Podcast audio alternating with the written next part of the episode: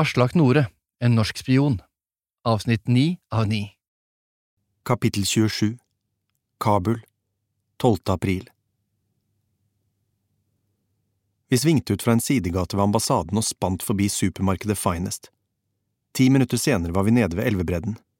Vi satte fra oss motorsyklene bak Shamshira-moskeen og småløp ned til elvebredden. Det var mørkt. Flere ganger holdt vi på å snuble av skrot som lå slengt rundt. Narkisene satt fremdeles rundt bålet sitt og hutret. Det luktet for jævlig også her, men vinden blåste fra elveleiet i øst, og selv om vannet der ikke var særlig friskt, var det ørlite grann formildende. Kåre dro skjerfet oppover nesen. Reiret til Mirwais lå i mørket under betongbroen. Vi ropte navnet hans. Ingen reaksjon. Vi gikk nærmere, tråkket over isopor, plastikkrester og søppel. Mirwais! Jeg ropte, høyere denne gangen. Fremdeles ingen reaksjon. I mørket kunne vi knapt se noe, jeg måtte føle meg fram med hendene. Få lommelykten. Kåre rakte meg den. Strålen flakket over den lille plassen, og da så jeg ham. Mirwais. Han lå på siden helt inne ved brospennet, med ansiktet ned og armene opp foran hodet. Nei! ropte jeg. Forferdelsen i stemmen min gjenlød i betongveggen. Vi kastet oss mot ham. Jeg løftet overkroppen hans opp, mens Kåre lyste i ansiktet hans. Ingen reaksjon. Jeg kjente at genseren hans var bløt. Han er skutt i brystet og magen, sa Kåre. Kåre hadde stilt seg på andre siden av den magre kroppen og sjekket pupillene hans. Jeg kjente på pulsen hans, den slo ikke. Han er eh, steindød, sa Kåre lavt. Jævla iranerpakk. Mirwai skulle til Norge, sa jeg. Merket at stemmen nesten brast. Jeg hadde fikset en billett ut av Kabul. Han må obduseres, sa Kåre, men vi kan ikke ta han med, får ringe afghansk politi. Og du tror de bryr seg? Det er den eneste muligheten vi har. Jeg tok et siste blikk over stedet. På den ene betongveggen hadde Mirwais tagget Mikro. Hans gamle tag. Mirwais var død. Det var min skyld. Da var det som om noe løsnet inni meg. Men det var annerledes enn jeg hadde trodd. Jeg ble rasende. Jeg skrek og grein så Kåre måtte holde meg fast. Mirwais. Jeg hadde blod på hendene. Mirwais blod. Jeg satt på knærne i en pøl av dritt og søppel.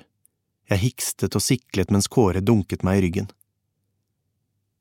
Jeg veit hva du føler, Peter, men det er ingenting vi kan gjøre.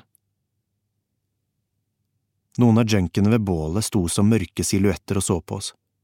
Bak dem rant elven. Kåre grep meg. Peter, hvis det var farlig for Mirwais, betyr det at det er farlig for oss her også. Vi må vekk.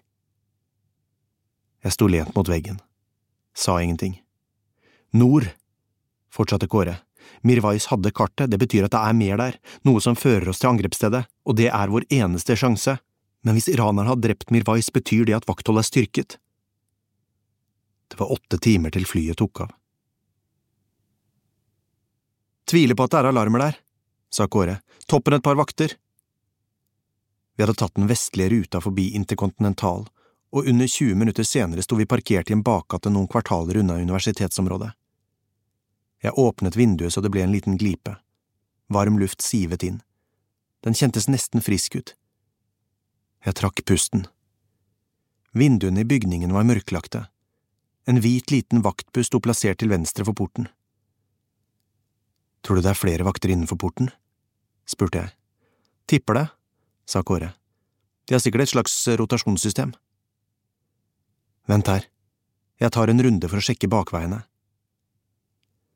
Afghanske byeiendommer var ofte like. En stor port foran med en vaktbu på siden. En mur, maks tre meter, kanskje med glasskår støpt inn på toppen rundt eiendommen. Ofte smale smug mellom eiendommene. Det samme var også tilfellet her. Jeg rekognoserte fort og vendte tilbake til Kåre i bilen.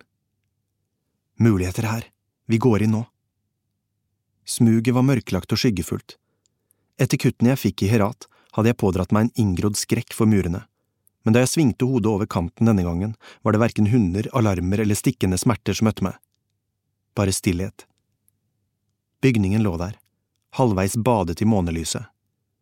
Noen vakter satt i lyset ved porten, i luftlinje om lag 20 meter fra mitt utkikkspunkt, på den andre siden av en gårdsplass. Den var gruslagt. Tre biler sto parkert der, men heldigvis for oss fantes det en halv meter bred sprekk mellom muren og selve bygningen. Jeg hoppet ned og snek meg ubemerket bort til mellomrommet da jeg kastet et tau over muren. Snart var Kåre også over. Alarm? Hvisket han. Hva skulle det være? Vet ikke. Dette er jo ikke akkurat noen offisiell operasjon. Nettopp, hveste jeg. Vi bryter alle regler nå. Blir vi tatt, er vi døde. Vi blir ikke tatt. Vinduene i første etasje hadde fengselsaktige sprinkler, så vi ble enige om at Kåre, den beste klatreren av oss, skulle komme opp i andre først, der vinduene var lettere å komme inn gjennom. Han klatret opp. I situasjonen vi befant oss i, virket hvert pust eller glipptak som en sirene, men vi kom opp og inn uten at noen merket noe. Kontorene lå tause og tomme, som en forlatt by. Du er den beste farsileseren, hvisket han. Husk lysdisiplin, så vi ikke blir oppdaget. Fokus nå. Alt, absolutt alt som kan lede oss til operasjonen i morgen, hvem, hva, hvor. Jeg leter så godt jeg kan. Håpet vårt var at iranerne hadde vært lemfeldige med sikkerheten, siden ingen visste om denne organisasjonen, i motsetning til de tungt bevoktede iranske ambassadene og konsulatene rundt i landet. De må ha fjernet alt som var her, sa jeg motløs. Vi hadde vært inne i flere timer. Jeg tror det er fjernet nå nylig, sa Kåre. Skuffer og skap står tomme. Faen, det er som det der våpenkasjé i Herat på nytt. Vi hadde ikke funnet en dritt. Klokken var fire, snart halv fem. Kåre? Kom hit, hvisket jeg. Jeg løftet blikket. Et maleri på veggen fanget min oppmerksomhet. Jeg hadde sett det før. I Dubai? Nei, dette var noe annet. Var det fra Beirut? Nei, jeg fikk det ikke til å stemme. Jeg lyste mot lerretet. Bildet var malt i sterke farger. En skog, et tre slynget seg oppover, en mann som ligger på et teppe, en hest som nedkjemper en løve. Og da husket jeg. En hest med rødglødende pels, roseblader som er strødd utover safranmarkene. Det var bildet til kalligrafien på galleriet Mirwais hadde vist meg, der vi hadde røyka gress på taket. De hadde utsikt til flyplassen, og i samme øyeblikk forsto jeg hvor angrepet skulle finne sted.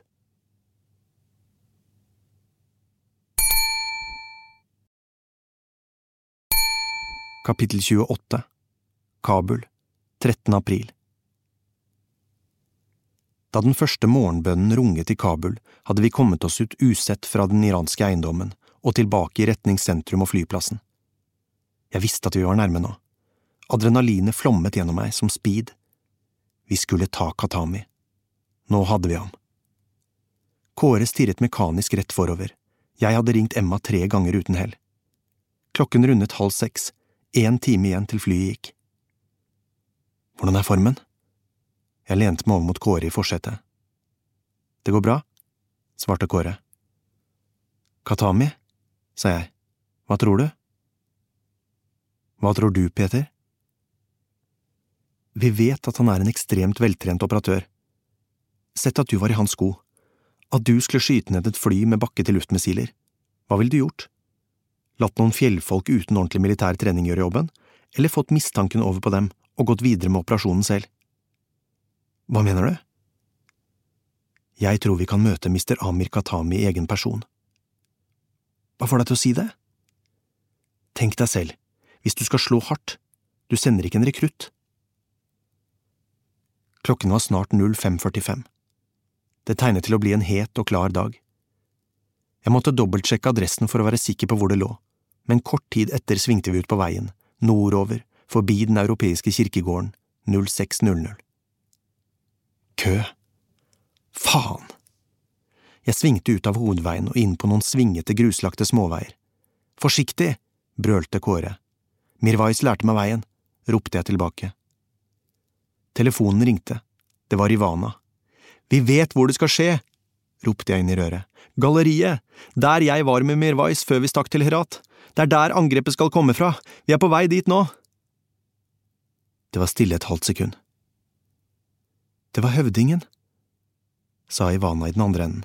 Drit i han, vi vet hvor Katami skal skyte fra! Det var høvdingen som var saksbehandler da Mustafa Hachem slapp inn i 1990. Langsomt demret det for meg. Hva er det du sier? Husker du ikke at høvdingen hadde vært byråkrat før han stakk til utlandet? Husker du ikke hvor mye han snakket om det? Det er helt logisk. Han kjente området, han behersket språket, det var Isak Hovde som godkjente Hachem. Ser du hva det betyr? Høvdingen hadde vært iransk muldvarp. Jeg tenkte på hvordan han snakket farsi, hvordan Hachem hadde introdusert oss. Det var Hachem som sto bak. Herregud, sa jeg og snappet etter pusten. Oh my fucking god! Jeg brøt samtalen like etter, det var ikke noe mer å si. Hvem var det? spurte Kåre. Det var Ivana. Hva ville hun? Hun ringte for å si at hun elsket meg, sa jeg. Kåre svarte ikke, men jeg kunne ikke fortelle Kåre det jeg nettopp hadde hørt, det ville knuse ham. Høvdingen betydde så mye for ham. Er vi klare? Vi satte bilen rett utenfor hovedinngangen. Kåre klappet diskré på den ene siden av overkroppen, der pistolbeltet var festet. Jeg hadde det samme. Vi tok et siste overblikk over gatene. Var det noen som overvåket gallerihuset? Ikke som jeg kunne se. Både Kåre og jeg sprintet de siste meterne og kastet oss over muren og inn på eiendommen. Det var den andre jævla muren jeg hadde klatret på tolv timer. Vi hadde ikke tid til å vente, så jeg rettet et skudd mot låsen og sparket inn døra. Vi stormet videre. Gallerihallen jeg en gang hadde besøkt med Mirwais, sto tom og truende. Kåre sikret bakover, jeg framover. Opp, pekte jeg med fingeren. Opp en trapp. Ingen folk. Taket! ropte jeg, og tok fatt på den siste trappen opp til det flate taket. Du sikrer bak! Jeg løp de resterende trappene. Da jeg var oppe ved den tunge ståldøren, stoppet jeg og trakk pusten. Trappegangen var mørk. Gjennom en sprekk i veggen kunne jeg skimte morgenlyset. Kåre var et par etasjer under meg. Utenfor hørte jeg en lav, klikkende lyd. Lyden av våpen. Jeg luktet det nesten. Jeg sparket opp døren. Taket var en platting på om lag ti ganger ti meter. I synsfeltet rett foran så jeg åskammen bak flyplassen. 0625. Lyden av flymotorer noen hundre meter unna. Like foran meg lå en mann ved siden av et kubeformet rør. SA-24 Igla. En grouse. Det var i ferd med å lysne. Amir Katami, det er over, ropte jeg så høyt jeg maktet og rettet pistolmunningen mot skikkelsen. Langsomt snudde mannen seg. Men det var ikke Amir Katami som sto der og siktet mot meg. Det var Mustafa Hachem. Så slutter det her, sa han rolig på norsk.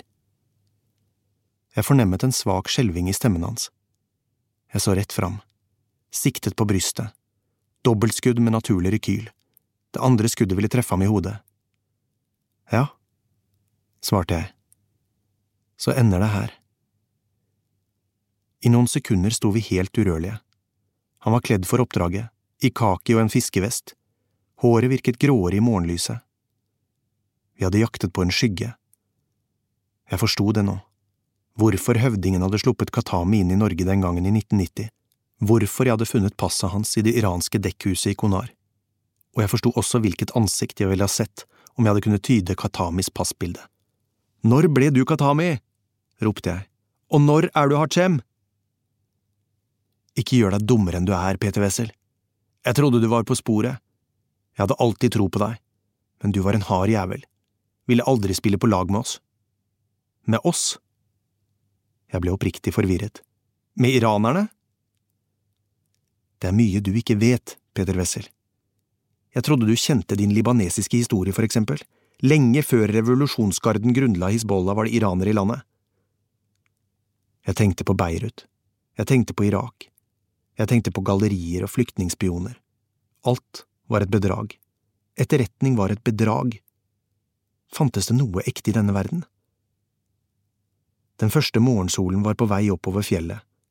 Toppene glødet i øst. Hvordan? Katami smilte. Jeg kom til Norge i 1990. Teheran sendte folk til Norge og andre europeiske land da. Ble tatt med på et lengre avhør. Vi hadde vanntette historier om hvordan vi var blitt forfulgte i Iran, for å kjempe mot regimet, for å nekte å avtjene verneplikt osv. Ble innvilget opphold på humanitært grunnlag. Men jeg hadde en fordel. Jeg fikk en jobb som gjorde lange utenlandsoppdrag naturlig og nødvendig. Kunst- og teppebransjen. Persisk kalligrafi og tepper. Perfekte gjøremål dersom man vil reise inn og ut av land uten å vekke mistanke. Og det var det jeg gjorde. Til Libanon og Dubai, steder både vestlige og libanesere og iranere kan reise. Det var et perfekt cover. Jeg siktet på ham. Katami holdt fremdeles pistolen mot meg. Hachem, Katami. Hvor begynte dette? Og hvor sluttet det? Var det tilfeldig at vi møttes på galleriet i Dubai?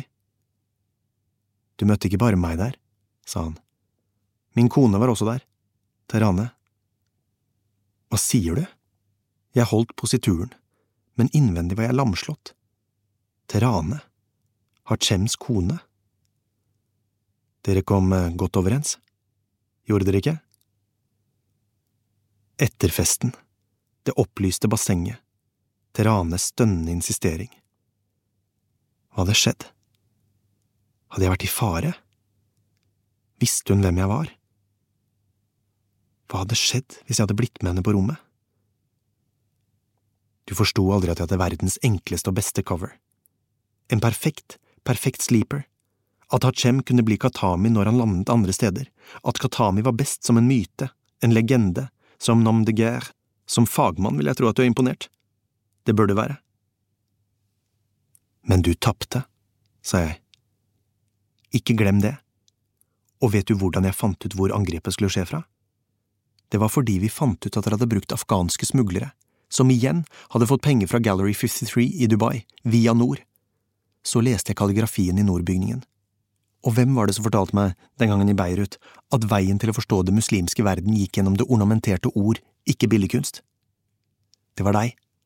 Jeg lærte fort, Mustafa. For første gang virket han litt usikker. Du var en venn, Mustafa. Jeg forsøkte å undertrykke skjelvingen i stemmen. Og du er en sviker. Stol aldri på noen. Og alt begynte med høvdingen, sa jeg. Du introduserte meg for ham i Beirut, så tjenesten i Norge skulle plukke agnet. Men det er noe du ikke vet om høvdingen. I det samme hørtes to skudd. Først trodde jeg de hadde rammet meg. Jeg ble stående. Kjente ingen smerte, så ikke noe blod. Stirret opp på Katami. Det lille inngangsåret i brystet og en liten rød prikk i pannen. Han falt. Bak meg hørte jeg en stemme. Kåres stemme. Det var Archem! Fy faen, tenk at det var Mustafa! Han stormet bort til mannen som lå ved kanten av taket. Missilen lå slengt ved siden av ham. Hachem lå livløs. Munnen var halvveis åpen, ansiktet liksom vrengt av kraften forårsaket av kulene. Jeg kastet et blikk bort på missilene som lå slengt ved siden av ham. Kåre satte et nytt skudd i pannen hans. Hva driver du med? Ropte jeg. Vet vi at han er alene? Vi ble avbrutt av lyden av et fly som tok av. En Gulfstream 4. Det vant raskt høyde på den klare, blå himmelen, fløy i en oppadgående spiral til det bare var en prikk i horisonten, og forsvant inn mellom fjellene i Hindukush.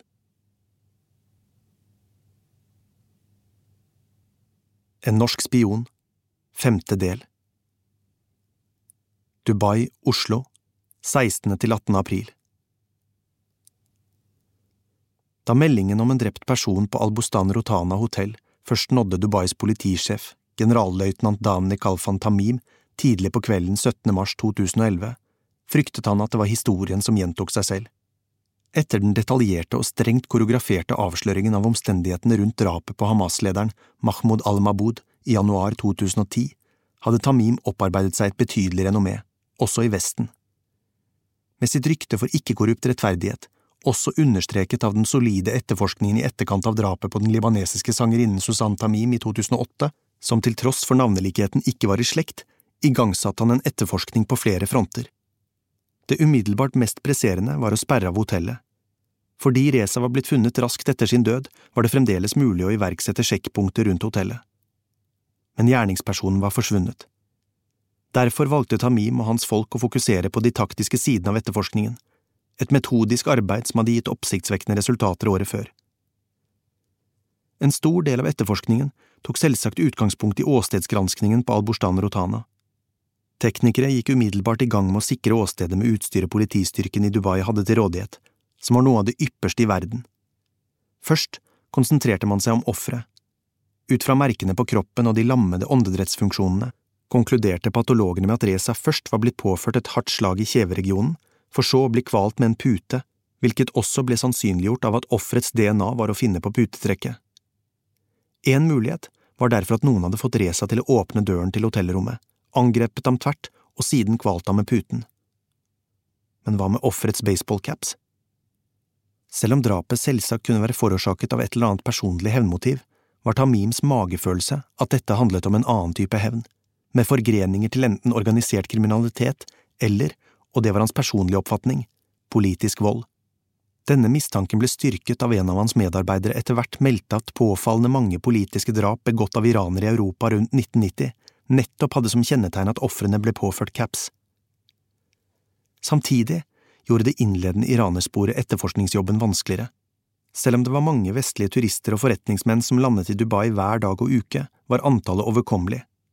Var vestlige etterretningsfolk involvert, skulle man klare å sjekke hvem som hadde ankommet Forente arabiske emirater i dagene før drapet, og kryssjekke dette videre mot andre registre og folk som hadde vært i Emiratet samtidig med Rezas tidligere visitter. Det var metoden Tamim med hell hadde benyttet i etterforskningen av drapet på Al-Mabou. Med iranerne forholdt det seg annerledes. Båndene mellom Iran og Dubai var tettere enn mellom noen andre land i regionen. Et stort antall, noen sa så mye som 30–50 prosent av byens befolkning, var av iransk opprinnelse. Iranske foretak av alle typer og i alle avskygninger drev forretninger i byen. Ja, selv den tilsynelatende arabiske emiratfamilien hadde historiske røtter på den andre siden av Hormuz. En iransk gjerningsmann eller sympatisør kunne lett bevege seg rundt i byen eller gjemme seg der blant sine egne. Tamim og hans etterforskningslag var dermed tvunget til å se nærmere på hvem som kunne ha motiv for å ta livet av Reza. Tilsynelatende virket det enkelt. Funnet av baseballcapsen og Tamins magefølelse pekte mot den iranske siden av Hormos. Rezas biografi lignet til forveksling på så mange av Quds-offiserenes klassereise. Han hadde vært en ung offiser under krigen mot Irak på 80-tallet, han hadde klatret oppover i revolusjonsgarden på 90-tallet. Etter årtusenskiftet hadde han tjenestegjort i Quds Force med posteringer i Irak og Libanon. En mann som ham satt inne med en rekke opplysninger av strengt hemmelig og svært sensitiv karakter. Da politiet ønsket å henvende seg til iranerne for å forhøre seg ytterligere om Reza, fikk politisjefen derimot en mild, men like tydelig anmodning fra politisk hold om at det ikke var ønskelig. Noen dager hadde gått. Det var fremdeles mars. Mediestorm når det gjaldt israelske aktiviteter og palestinske ofre, kunne man leve med, men Dubai trengte ikke noen dyptloddende undersøkelse av den følsomt balanserte relasjonen mellom myndighetene her og elementer fra styret i Teheran, spesielt ikke innen revolusjonsgarden men sett at andre lands tjenester ønsket å ta livet av offiseren? Etter fadesen året før tvilte Tamin på om israelerne ville våge seg på noen ny operasjon på hans hjemmebane, skjønt freidighet var nettopp Mossads modus operandi. Men andre land kunne tenkes å ønske ham død. Amerikanerne, selvsagt. Britene, med sine innleide frilansoperatører, for ikke å snakke om alle andre land i Midtøsten. Parallelt med dette jobbet etterforskningsgruppen til Tamim videre med saken fra et snevrere teknisk perspektiv. I mangel på et øyeblikkelig gjennombrudd begynte etterforskerne derfor på den omstendelige jobben med å sjekke overvåkningskameraene i Dubai, med fokus på Al-Bushtan. Men om Dubai-politiet hadde lært av Mossad-etterforskningen året før, var lærekurven enda brattere hos dem som hadde begått ugjerningen. I motsetning til sist fantes det ingen bilder av shortskledde tennisspillere som tilbrakte timer under overvåkningskameraene i lobbyen. Folk kom og gikk, selvsagt, men ingen som virket åpenbart mistenkelige. Her var kvinner i nikab og menn i tvab, her var turister og forretningsmenn, lokale sjeiker og fremmede diplomater. Også rom 237, der Reza var blitt funnet, var et mysterium. Selve gangen befant seg i dødvinkelen og kunne ikke ses fra kameraene. Men heller ikke ved det lille området der gangene i hver retning endte i plassen foran heisen, fantes det spor etter mistenkte. De måtte ha kommet seg ut på andre måter. Et gjennombrudd hadde man imidlertid oppnådd. Da var det gått tre uker. Det viste seg at en filippinsk renholder hadde møtt en blond mann med europeisk utseende gjennom hotellets baktrapper i det aktuelle tidsrommet. Ved nærmere ettersyn fant man via overvåkingskameraene at denne mannen også hadde krysset parkeringsplassen på baksiden og praiet en taxi der. Da viste klokken 5.13 pm. Drosjens registreringsnummer ble identifisert, og etter to avhør av en vettskremt sjåfør fra Kerala i Sør-India var de overbevist om at han hadde fraktet den blonde europeeren til flyplassen på ettermiddagen 17. februar. Nå var det bare for Tamin å kryssjekke passasjerlistene på flyene ut av Emiratet den aktuelle kvelden. Seks menn merket seg ut. To britiske statsborgere som hadde ankommet med hver sine fly henholdsvis to og tre dager før drapet, og reist til Storbritannia samme kveld. En tysker var kommet til Dubai samme morgen og fløy videre til Mumbai om kvelden, samt to nordmenn, Peter Wessel og Kåre Svalastoga, som hadde kommet to og tre dager før og fløyet til Kabul samme kveld.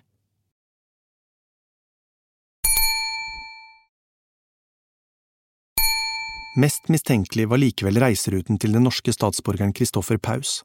Han reiste med diplomatpass, og hadde ankommet Dubai samme formiddag med Safi Airways fra Kabul, og fløy tilbake til den afghanske hovedstaden samme kveld.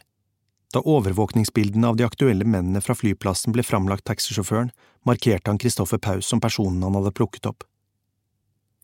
Dani Kalfan Tamim befant seg nå i en komplisert situasjon som politisjef. Han hadde klare indikasjoner på at nordmannen hadde befunnet seg på hotellet rundt Rezas død. Men i motsetning til under Mossad-aksjonen fantes det ingen overvåkningsbilder som knyttet ham til Rezas rom, langt mindre til selve drapet. Det var ikke nok til å gå ut med noen etterlysning. Siden forholdet mellom Norge og De forente arabiske emirater var langt mindre betent enn til Israel, hadde det heller ingen politisk symbolverdi å eksponere det i pressen. Men fordi Tamims magefølelse tilsa at Paus DNA måtte kontrolleres mot det åstedsgranskeren hadde funnet på Rezas rom, besluttet han å gå via en bakkanal. Fra tidligere samarbeid kjente han den norske statsborgeren Ivana Memedovic Lukic. Etter drapet hadde hun i hemmelighet spurt om å få ut noen detaljer fra etterforskningen. Tamim antok at det dreide seg om forhold rundt nettopp Paus, og bestemte seg for å gjøre en hestehandel. Han skulle innvie henne i mistankene, samtidig som han brukte det som pressmiddel. Dersom hun fikk vite om indisierekkene mot sin landsmann, skulle hun formidle en diskré beskjed til sitt lands myndigheter, få Paus til å melde seg, eller forvent å bli satt i vanry når bildene av en drapsmistenkt norsk diplomat går verden rundt. Lukic ønsket i første omgang ikke å involvere den norske ambassaden. Derfor brukte hun et annet og langt eldre knep. På ambassaden hadde hun ved flere anledninger møtt Christoffer Paus. Den siste gangen hadde hun åpenlyst flørtet med ham. To dager etter at Ivana var kommet tilbake til Dubai, sendte hun Paus en kort melding. Har fri og et dobbeltrom på Kempinski. Kom. Ivana. Det var Ivana som fortalte alt dette. Jeg hadde hørt på den ganske følelsesløse og telegramaktige redegjørelsen en lang stund, fra skrivebordsstolen på et rom på hotell Kempinski. Kåre lå på sengen. Ivana sto vendt mot vinduet, som vendte ut mot Mall of the Emirates' absurde alpinbakke. Det var som om hun gjenfortalte et avhør eller sykejournal. Og han svarte ja. Det gjorde han, svarte Ivana. Et vagt smil kom til syne. Han har ventet hit når som helst, og vi skal ta en prat med ham. Fantastisk jobb, sa Kåre. Honningfella funker fortsatt. Ventetiden virket som en evighet. Det var gått tre dager siden hendelsen i Kabul. Jeg hadde ikke rukket å la det synke inn. I stedet hadde jeg sovet. Ivana viste oss overvåkningsbildene av Reza i lobbyen, omgitt av turister og kvinner i nikab, og utenfor, blant taxisjåførene og pikkoloene. Men det var grenser for hvor mange ganger det var vits i å gjennomgå den samme informasjonen. Til slutt banket det på døren. Ivana gikk for å møte ham. Kåre og jeg satte oss på den oppredde sengen. Paus kom inn kysset Ivana på kinnet mens han gikk mot vinduet. Da han oppdaget oss, støkk han til. Hva faen gjør dere her? Et lite sekund virket det som om han trodde at vi var der uten Ivanas samtykke, hvordan nå det skulle ha skjedd, at det var de to mot oss, men så liksom sank han sammen mens han flakket med blikket. Sett deg, Kristoffer, sa jeg rolig. Han ble sittende på sengekanten med ansiktet gjemt i hendene. Så reiste han seg og skrek til Ivana. Jævla falske balkanfitte! Du er en hore, hører du? Et østeuropeisk ludder, en jævla hore! Ikke ta det personlig, Chris, sa Ivana kaldt. Og hvem faen er dere? brølte han til oss. Dere er to journalisttapere som surrer rundt i Kabul mens dere tror dere er noe. Jeg skal si dere én ting, dere er ikke en dritt! Da han hev telefonen i veggen, måtte Kåre og jeg roe ham ned. Vi ga ham et glass vann og lot ham kjøle seg ned noen minutter. Du vet hvorfor du er her? Paus svelget og så ned i gulvet. Ivana holdt fram et av bildene av Reza. 17. mars ble denne mannen funnet drept på Alborstan Rotana, og dette, fortsatte hun, er overvåkningsbilder tatt i Dubai 17. mars. De viser en mann som går over den bakre parkeringsplassen utenfor Alborstan Rotana. Jeg har grunn til å tro at denne mannen er deg. Det er ikke meg, sa Paus. Det kunne virke som om han plutselig øynet håp, at vi ikke hadde mer på ham. Det er umulig å se hvem de er. Helt sant, sa Ivana. Problemet ditt er bare at den indiske taxisjåføren i bilen du så vidt kan se, pekte ut deg da han ble fremlagt et sett bilder av folk som hadde forlatt Dubai på kvelden 17. mars. Det var politiet i Dubai som viste han bildene. Forstår du? Paus gjemte hodet i håndflaten igjen. Han reiste seg og stilte seg med ansiktet mot vinduet. Det var ikke meg… Det var ikke meg, jeg har ikke drept Reza. Så du innrømmer å ha møtt ham? spurte Kåre. Paus kastet et flakkende blikk på oss før han snudde seg bort fra oss igjen. Fortell, sa Ivana. Vi vil ha absolutt alle detaljer fra kontakten med Reza. Det er eh, klassifisert info, det er strengt hemmelig av hensyn til rikets sikkerhet, stammet han. Vi så på hverandre og smilte. Fortell, du, sa Ivana. Jeg tror ikke du har så mange andre alternativer. Paus pustet dypt og lukket øynene. Så tok han sats og begynte å fortelle. Jeg var eh, diplomat i Beirut, førstesekretær. Det er en helt herlig by, og det ble mange sene kvelder. Gemaizeh, Ashrafie, Hamra… Vi kjenner Beirut, avbrøt jeg. Fortsett. En kveld, det var på en av klubbene der ved Monroe Street, et sted med bottle service, mange saudiarabere og russiske horer, traff jeg en fremmed mann. Jeg var alene på klubben, ble mange kvelder i Beirut, mange fristelser, dere vet, men denne mannen var annerledes.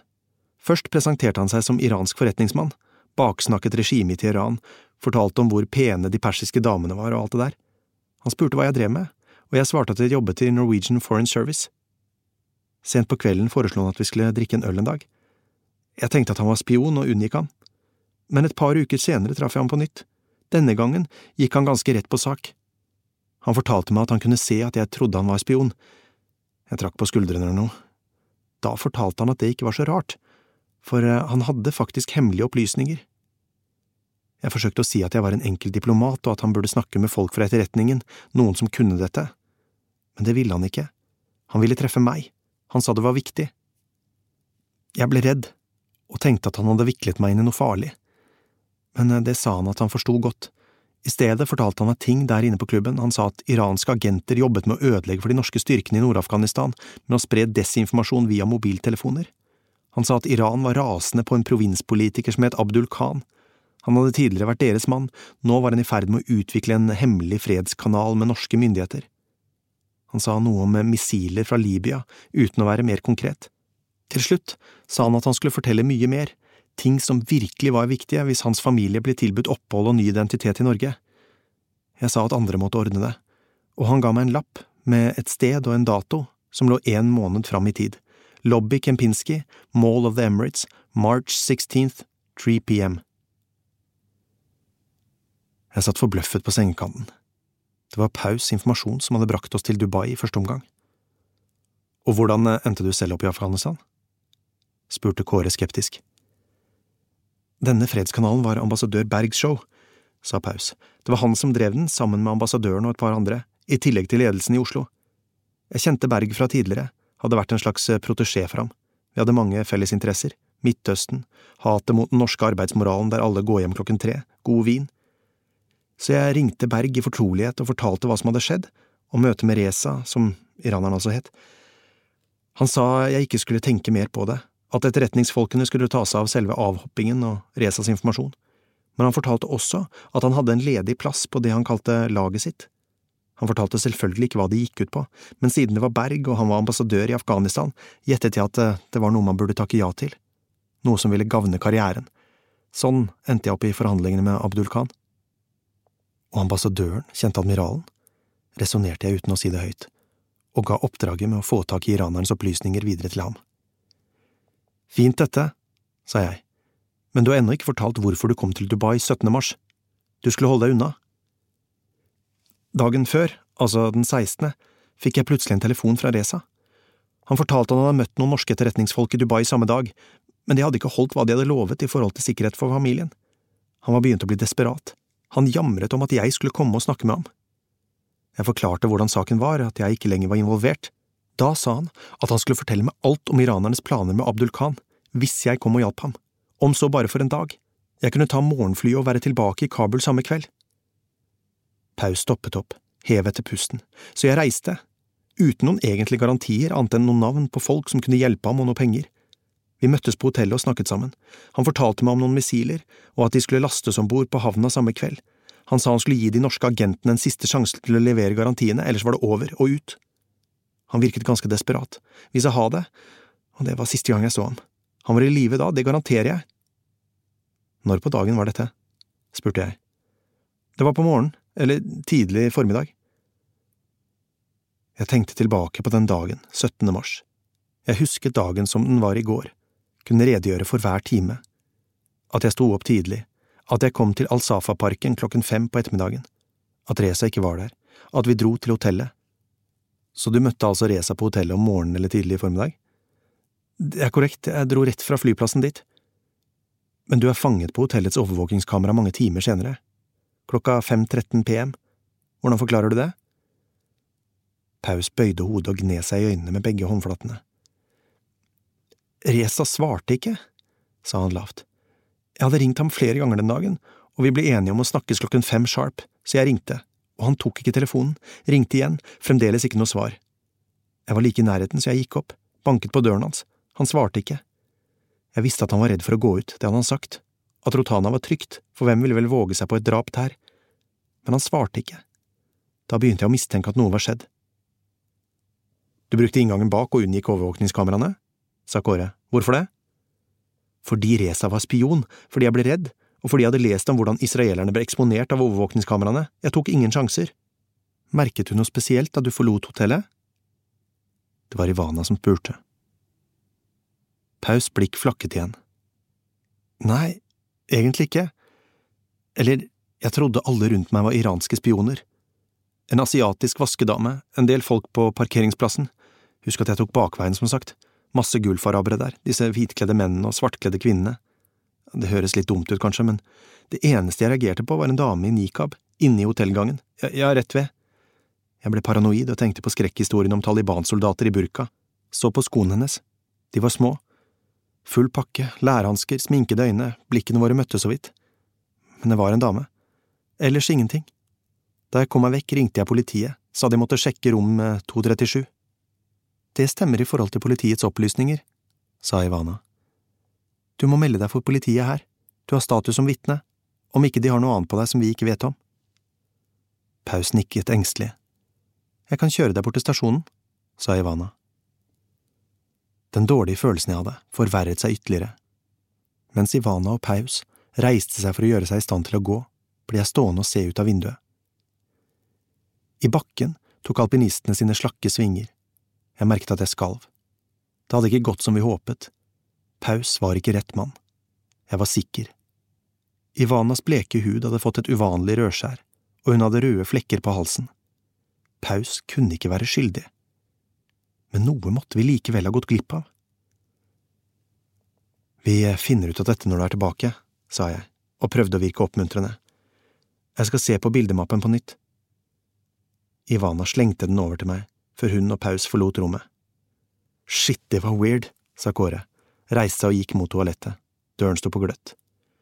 Hei, skal vi ikke dra ned i lobbyen og ta en pils mens Ivan er borte? ropte han gjennom badedøren. Gidder ikke sitte her og gå gjennom den jævla politirapporten? Jeg sto ved skrivebordet. Over bordet kunne jeg se ut i bakken. Jeg åpnet mappen, bladde meg fort igjennom. Hva lette jeg etter? Jeg stoppet ved et av bildene, tatt av Reza idet han går gjennom lobbyen. Det var tatt 17. mars klokken 4.37 pm, omtrent én time før vi hadde funnet Reza. I bakgrunnen kunne jeg skimte en kvinne i nikab. Fra badet hørte jeg at springvannet ble slått på. Studerte bildet nærmere. Kåre nynnet på en sang over vasken. Vann fra springen. Og da så jeg det. At kvinnen på bildet hadde røde støvletter.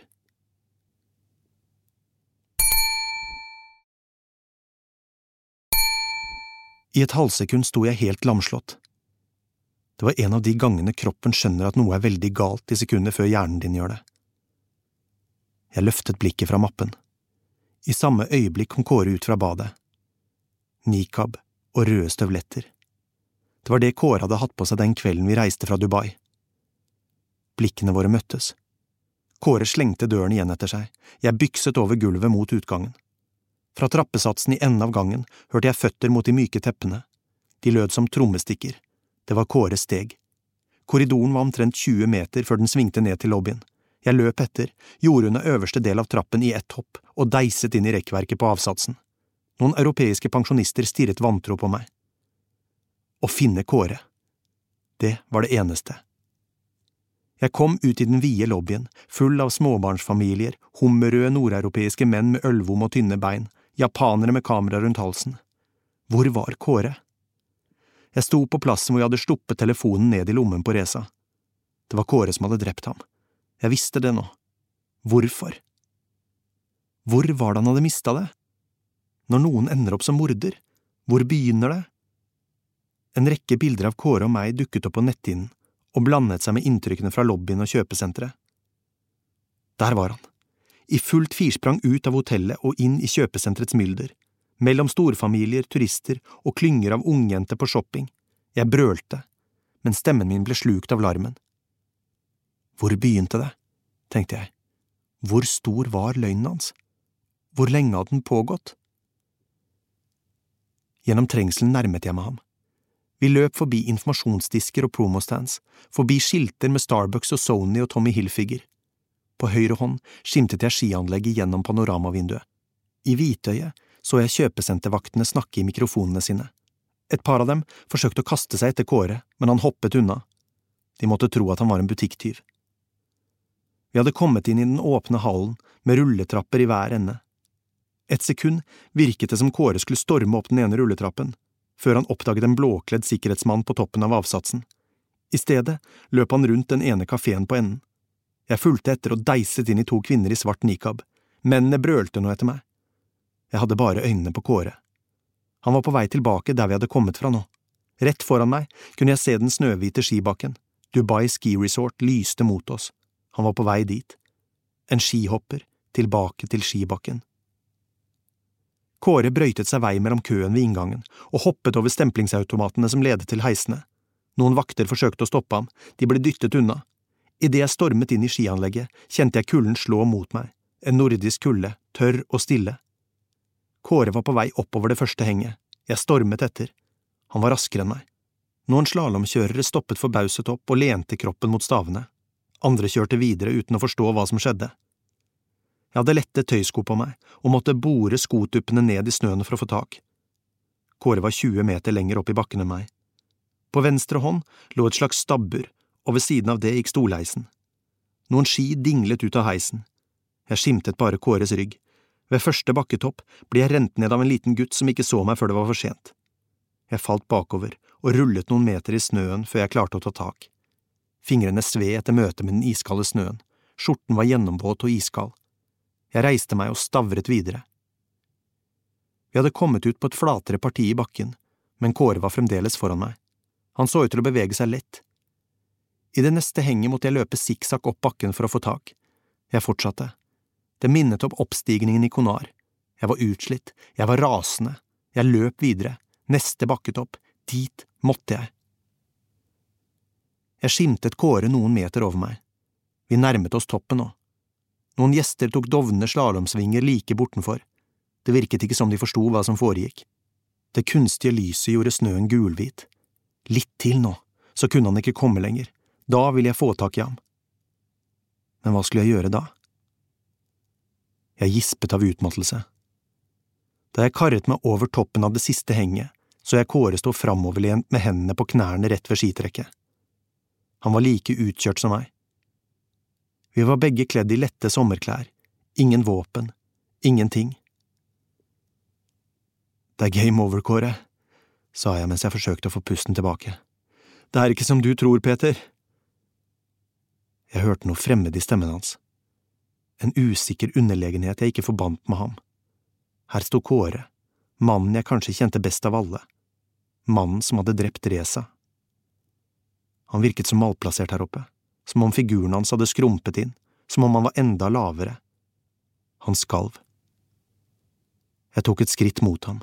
Kåre rygget. Husker du at du landet her i Dubai 15. mars? Selvfølgelig husket jeg det. Følelsen av å være i felten igjen. At jeg hadde ventet på ham på flyplassen. Det var på grunn av Mustafa Hachem at jeg ikke kom til flyplassen. Han hadde avgjørende info om høvdingens død året før, hevdet han. Da jeg egentlig skulle møte deg, satt jeg sammen med ham, og Hachem fortalte meg noe. Han sa at Reza, som vi jo snart skulle rekruttere, hadde en siste nyhet i kofferten, som han først kom til å fortelle når han var på norsk jord, til PST. At høvdingen spionerte for Iran. Det ville Reza fortelle. Hachem sa at det var en iransk provokasjon, en som ville ødelegge alt vi hadde bygget opp, og som ville sverte høvdingens ære. Vi ble enige om å treffes kvelden etter, og Hachem ga meg en presang, for gammelt vennskap, et innrammet kalligrafisk trykk. Du gikk rett på, sa jeg. Jeg hadde trodd bedre om deg. Det hadde du også gjort, Peter, svarte han. Et bilde fra Hachem, hva kunne vel det bety? Han virket defensiv. Brystkassen var sunket inn, skuldrene var høye, jeg hadde tenkt å fortelle deg det, Peter. Jeg lover jeg hadde tenkt å gjøre det. Men du gjorde det ikke. Neste dag, da du snakket med Reza, først i parken og så på gallerifesten, vi fikk ikke snakket sammen. Jeg dro ikke på galleriåpningen, husker du? Men jeg dro for å møte Mustafa Hachem. Da var det blitt mørkt. Den gangen kom han ikke alene, det var flere andre der, iranere, folk jeg aldri hadde sett. Den ene iraneren dro fram et notat fra PST av alle ting, på norsk, det var tydeligvis noe som eh, var fremskaffet av deres mann på innsiden av tjenesten i Norge. Høvdingen, sa jeg. Det måtte være PST-notatet Ivan hadde vist meg, som viste at PST mistenkte Hachem. Det var jo skrevet før operasjonen begynte. Jeg grøsset. Jeg husket datoen. 15. juli 2010. Han lukket øynene. Kåre sto lett foroverbøyd, med hodet senket og armene rett ned langs siden. De hadde spilt ham over sidelinjen. De hadde brukt et ekte notat til å presse ham. De spurte om jeg forsto hva det betydde, fortsatte Kåre. Så slengte en av iranerne noen bilder til meg, av eh, meg som mottar bilder fra Chem kvelden før, 15. mars. Deretter et bilde av den hule rammen på bildet jeg hadde fått, full av dollar. De sa at jeg hadde mottatt penger fra en mann Norge visste var iransk spion. Jeg husker at jeg så på Mustafa, som om han kunne hjelpe meg. Men da skjønte jeg det at Mustafa Hachem var en av dem. Han var på iranernes side. Så du visste at Mustafa Hachem var på iranernes side hele tiden? Hvorfor sa du ikke noe? I affekt tok jeg et skritt mot gårde. Peter, ikke gjør det, la meg i hvert fall få fortelle. Hachem fortalte meg noe annet, at angrepet som drepte høvdingen var noe Abdul Khan og hans folk sto bak. Min nærmeste venn var drept, av en jævla banditt som det offisielle Norge drev fredsforhandling med. Jeg skjønte at alt admiralen hadde innprentet i oss, om å forsvare den norske konstitusjonen, pro patria mori og all det pisset der, det var løgn.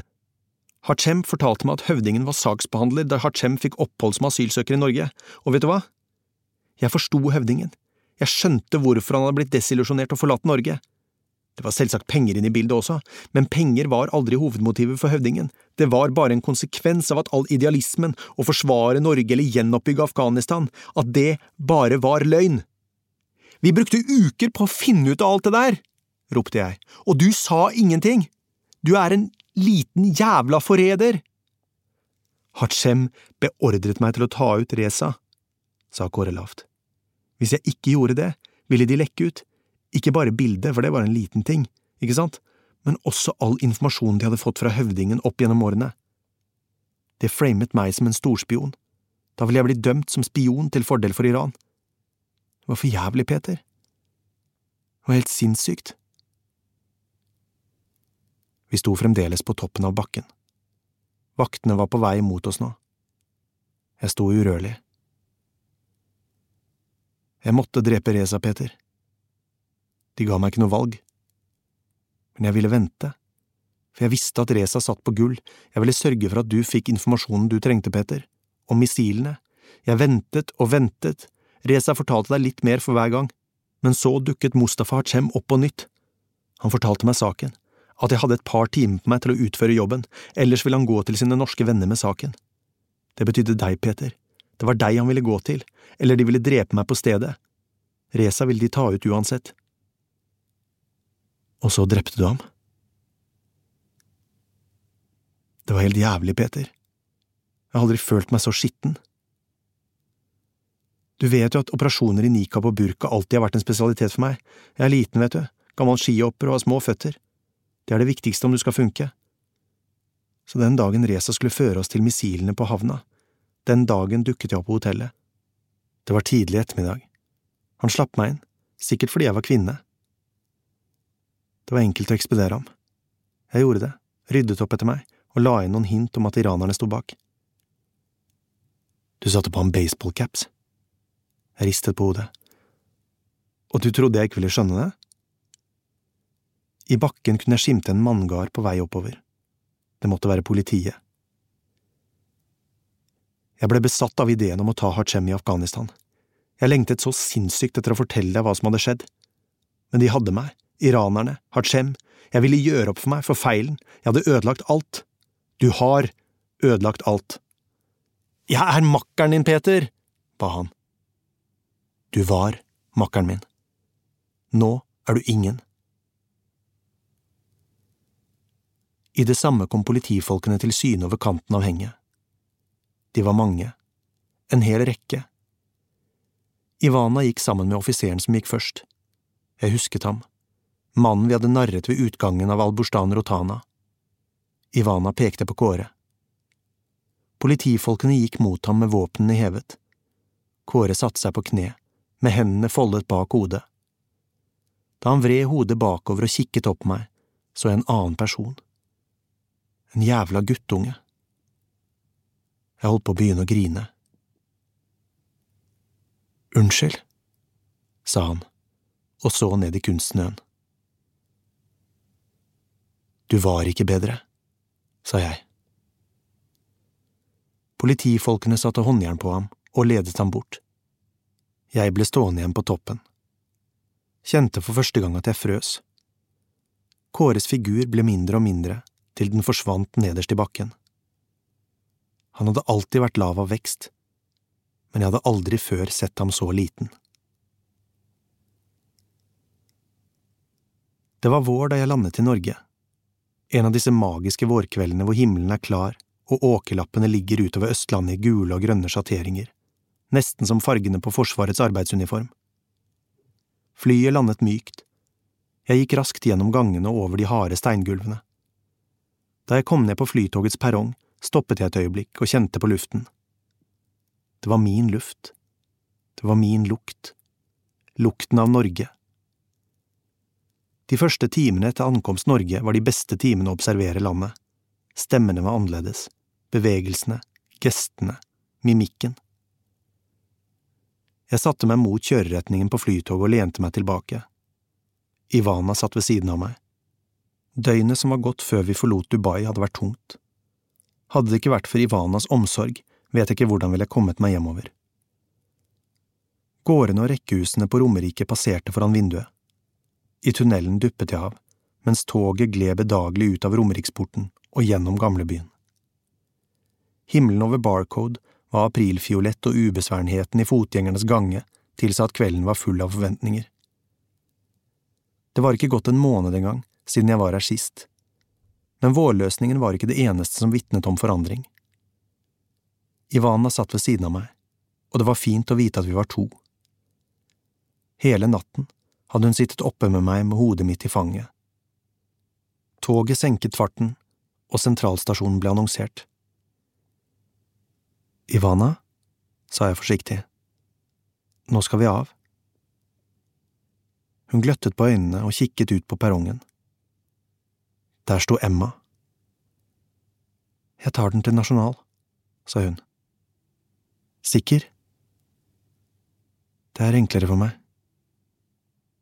Noe i stemmen hennes hindret meg i å si noe mer. Jeg ga henne et raskt kyss på kinnet. Hun så ned. Så tok jeg kofferten min og steg av. Emma var kledd i en lys sommerkjole med høy midje. Det var et antrekk for varmere kvelder enn denne, og det rørte meg på en måte at hun hadde pyntet seg. Hun kastet seg om halsen min. Blikket mitt falt på de lave sandalene hun hadde på seg, som åpenbarte tånegler med rød pedikyr. Idet jeg hevet blikket, så jeg toget gled ut av stasjonen. Gjennom det svake gjenskinnet i vinduet kunne jeg så vidt skimte ansiktet til Ivana. Det var vendt bort. Samme kveld, etter at Emma og jeg hadde sittet på terrassen og drukket rødvin, ringte det på døren. Jeg støkk til. Bryteren min var ennå ikke slått av. Jeg var ikke tilvant virkeligheten i Norge. Har du invitert noen? spurte Emma usikkert. Har du? Jeg listet meg ut i gangen og myste ut gjennom kikkhullet. Der sto admiralen. Jeg slapp ham inn. Godt å se deg, Peter, hilste han. Han virket eldre, men det var noe innbitt i blikket hans. Skoene var blankpussede som alltid. Emma sto i bakgrunnen. Admiralen hilste belevent. Hun bød på et glass. Admiralen takket ja. Vi ble sittende og pludre en stund på terrassen, før Emma reiste seg og la armene rundt hodet mitt bakfra, mens hun så på admiralen. Jeg regner med at du kom av en grunn. Nå overlater jeg dere til hverandre, natta. Jeg kysset henne. Og hva nå? sa jeg og lente meg bakover. Hva mener du, Petter? Tjenesten, fredsstuene, oppdragene. Vi løste saken, men på veien fant vi ut at organisasjonen var råtten som et stykke rakfisk. Det var en interessant måte å si det på, smattet admiralen. Rakfisken er råtten, men smaker likevel utsøkt. Jeg overhørte kommentaren. Du virker ikke engang berørt av at din gamle avdeling ligger med brukken rygg, at en av de gamle operatørene dine ligger under torva, en annen råtner i et arabisk fengsel. Ivana er fortsatt på jobb, men du tar feil om du tror at hun er uberørt av dette. Selv ligger jeg søvnløs og ser i taket. Admiralen spurte. Hvordan går det med deg og Emma? Som vanlig manøvrerte han seg rundt mine anklager. Denne gangen hadde jeg ikke tenkt å la ham slippe unna, men lot det vente. Det er noe jeg må fortelle deg, sa jeg. Jeg spurte hvordan det gikk med Emma. Hun eh, kalte meg en sviker og bedrager, ellers alt bra, takk. Uten det såkalte sviket ditt, at du dro ut på oppdrag, ville Emma ikke vært i live, men ligget opprent i et vrak på flyplassen i Kabul, sa admiralen strengt. Det bør du ikke glemme. Det samme ville du ha gjort, om jeg fulgte ordrene dine, svarte jeg. Derfor valgte jeg ut operatører som kan bryte ordre når det trengs, sa han. Maimørket lukket seg om oss. Gjennom det lette, kjølige draget kunne man merke at det fremdeles var lenge til sommeren. Du lærte meg dette, å lyve og manipulere, var det ikke sånn? Du visste hva du gjorde, hvilke knapper du skulle trykke på for å få meg med. Jeg liker selvbebreidelsene dine, Peter, selv om de har noe grunnleggende narsissistisk ved seg, for de uttrykker følsomhet. Folk som ikke bebreider seg selv, har ikke noe i vårt yrke å gjøre. Tvilere er intelligente. Folk som ikke tviler, er idioter. Du skjønte iranernes spill og hvordan Katami skulle angripe, på grunn av tvilen din. Grundighet, ja, men den kan også en pedant ha. En tviler kan ha mange problemer, men tvilen er aldri tragisk. Jeg kaller den tragedien når makkeren min er en norsk spion, sa jeg. Dere er alle spioner. En spion er en etterretningsoperatør som innhenter hemmelig informasjon med ulovlige virkemidler. Kåre var spion, du er også en norsk spion. Det er kun en gradsforskjell.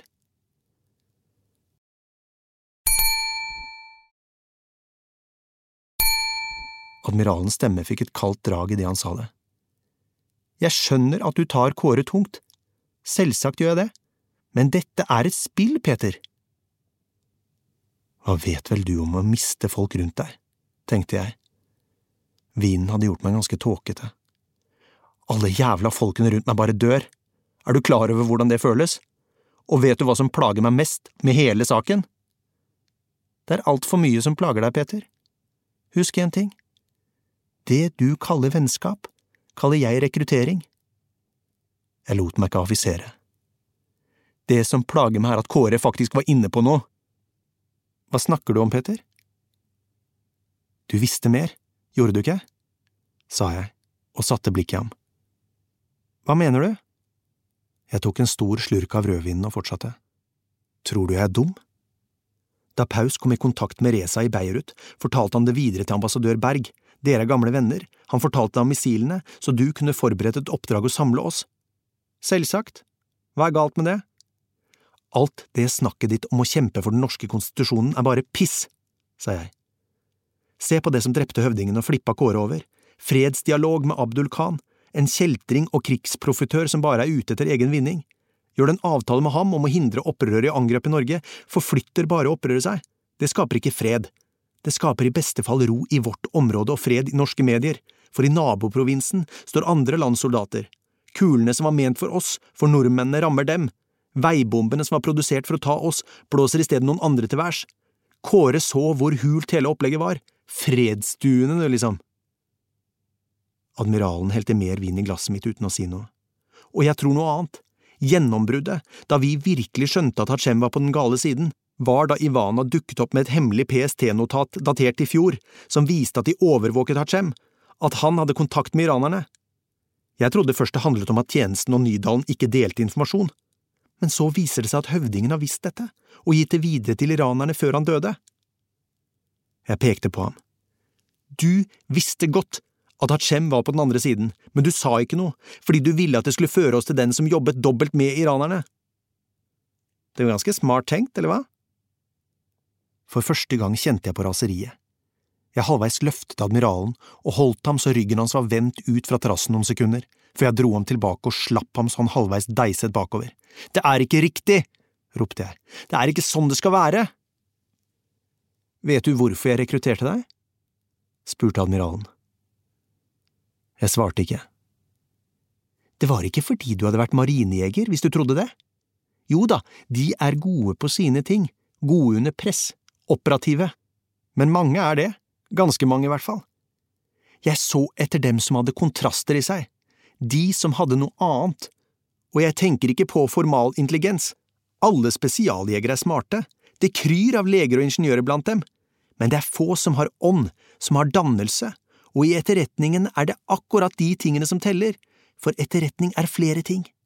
Det speiler forholdet mellom rutine og kreativitet, om forskjellen mellom hemmeligheter og mysterier.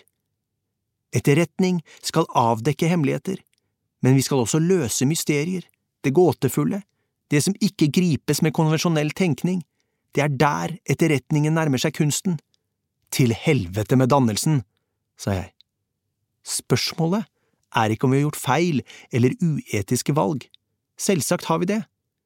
Spørsmålet er om Norge, nærmere bestemt den nevnte konstitusjonen, fremdeles er verdt å forsvare. Afghanistan er ikke vår krig, enda mindre vårt territorium, og likevel er vi i krig. Tjenesten. Alltid. Våre fiender er ikke muslimer, ikke engang islamister. Våre fiender er dem som er motstandere av vår vestlige livs- og statsform, av vår åpenhet og multikulturelle mangfold, av vårt demokrati, vår sekularisme, vår likestilling og vår rasjonalitet. Motstanderne våre er dem som søker renhet, etnisk, religiøst, ideologisk, det være seg venstreekstreme, høyreekstreme eller islamister. Ingen vet hvor angrepet mot Norge kommer men vær sikker på at det kommer, fra noen som deler hatet mot det liberale demokrati. Han lente seg over mot meg. Fredsstuenes arbeid er ikke slutt. Vi har akkurat begynt. Og du, Peter, skal være med videre. Jeg førte admiralen ut i gangen. Vi omfavnet hverandre. Vi ses snart igjen, Peter. Jeg svarte ikke gikk inn og drakk et glass til i taushet. Klokken halv fire reiste jeg meg og vandret fra rom til rom i den lyse leiligheten.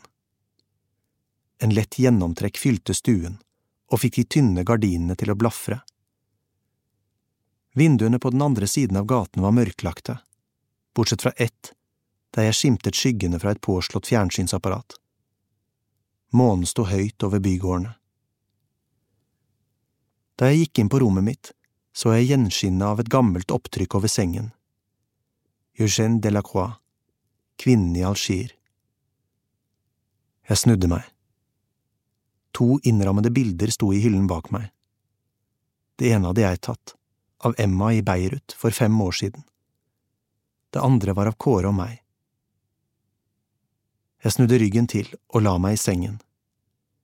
Emmas pust var rolig som et barns. Jeg hadde harehjerte da jeg la meg ved siden av henne og kysset henne øverst på ryggsøylen.